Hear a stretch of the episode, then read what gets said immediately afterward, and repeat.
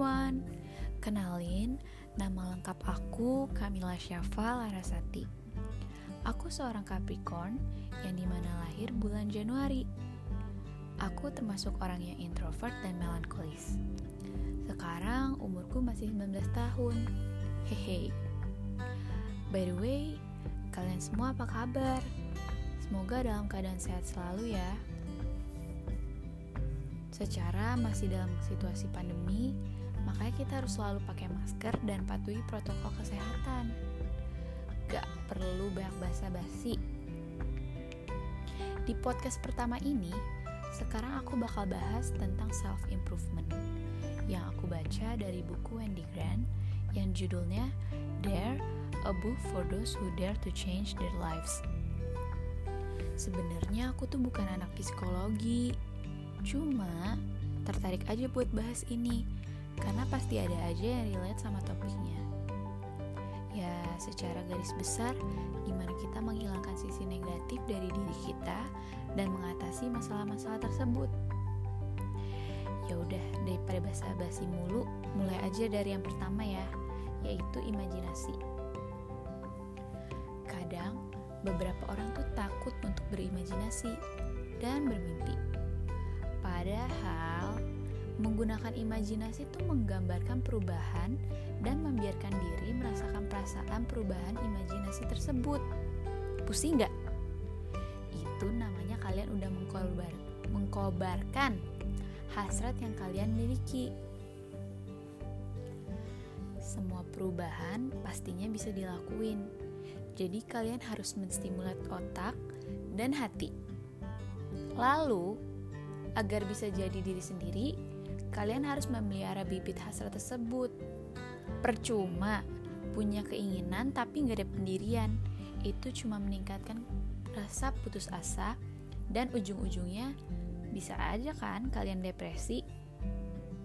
Nah, salah satu caranya kalian bisa luangin waktu beberapa menit untuk buat daftar keinginan. Ya udah, tulis aja spontan hal yang terlintas di benak kalian. Nantinya kamu bakal menyadari dengan sedikit kecerdikan, keberanian, dan kebulatan tekad, kamu bisa mengenyahkan sejumlah hal dari daftar tersebut dan menjalani kehidupan tanpa beban. Hmm, kayaknya asik nih. Siapa tahu gue nulis banyak-banyak. Ups, aku ding dari tadi ya siapa tahu aku nulis banyak-banyak gitu pengen apa pengen apa tahu-tahu tahun depan ternyata ada yang udah bisa terrealisasikan. Selanjutnya keyakinan. Ini nomor dua yaitu keyakinan. Agar bisa mengikuti hasrat kalian harus punya keyakinan. Memang keraguan sering dihubungkan dengan penghargaan penghargaan diri yang rendah. Contoh nih ya kenapa ini harus terjadi kepadaku? pasti ada aja kan yang pernah bertanya-tanya sama diri sendiri seperti ini. Nah sekarang kalian harus membuang jauh-jauh perasaan itu dan mengubahnya menjadi keyakinan. Dengan memakai imajinasi dan berfokus pada semua hal positif kalian dapat membangun hasrat. Kalian secara aktif bisa mulai meyakini bahwa kalian sanggup mewujudkan segala sesuatu. Napas dulu. Terkadang, membuat perubahan bisa menguntungkan semua pihak. Hidup bukanlah menjadi pilihan atau bagaimana segala sesuatunya terlihat orang lain. Yang terpenting adalah perasaan ketika menolak untuk tunduk pada rasa takut, berarti kita telah membesarkan diri sendiri atau membebaskan diri sendiri. Namun, berada di tangan masing-masing, bukan pada orang lain.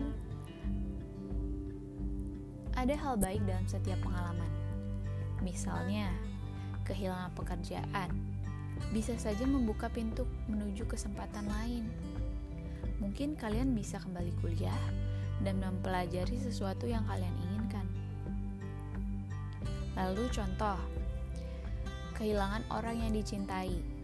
Mungkin bisa membebaskan kita untuk melakukan sesuatu yang mungkin tak pernah terbayangkan sebelumnya. Mencari hal positif dalam setiap hal akan membangun sistem keyakinan kalian. Duh, semakin panas nih ya kayaknya harus dengan keyakinan ini. Lalu, bagian terakhir yang terpenting banget nih adalah harapan. Sebelum melakukan tindakan apa pun, kalian pasti berpikir dulu. Kemudian mengembangkan imajinasinya. Lantas, biarkan perasaan yang berhubungan dengan pikiran berakar dalam diri dan dirasakan. Agar harapan bisa berhasil, sangat penting untuk mengolah pengharapan positif.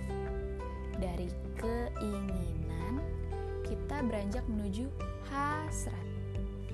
Dari hasrat, kita menuju keyakinan bahwa hal itu bisa menjadi kenyataan dan membuka pintu ketiga dengan memakai pengharapan. Harapan merupakan kekuatan yang amat tinggi dan bisa mewujudkan segalanya. Sesuatu tidak akan pernah terjadi jika kita membiarkan perasaan gelisah atau rasa takut menggantung di langit-langit. Pikiran negatif akan menghilangkan pikiran positif. Ingat ya, teman-teman, pengharapan tidak boleh bersyarat, namun hanya merupakan rasa percaya diri, senang, dan bahagia karena tahu bahwa yang diharapkan akan terwujud. Hmm, ini bisa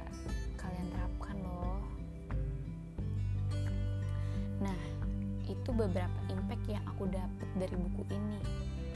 Karena benar-benar bagus buat kalian yang pernah ngedown, ngerasa kurang, dan masalah mental lainnya. Aku sendiri pun juga merasakan hal itu. Cuma kalau dapat buku, udah baca buku ini tuh kayak aku dapat rasa ditampar gitu jadi kalau kalian penasaran buku ini cocok banget sih buat kalian miliki semoga podcast pertama aku ini bisa bermanfaat buat kalian. Dan aku terima kasih banget udah mau ngedengerin podcast ini. Semoga kalian bahagia selalu. Dan ingat yang terakhir adalah do what you love. Bye.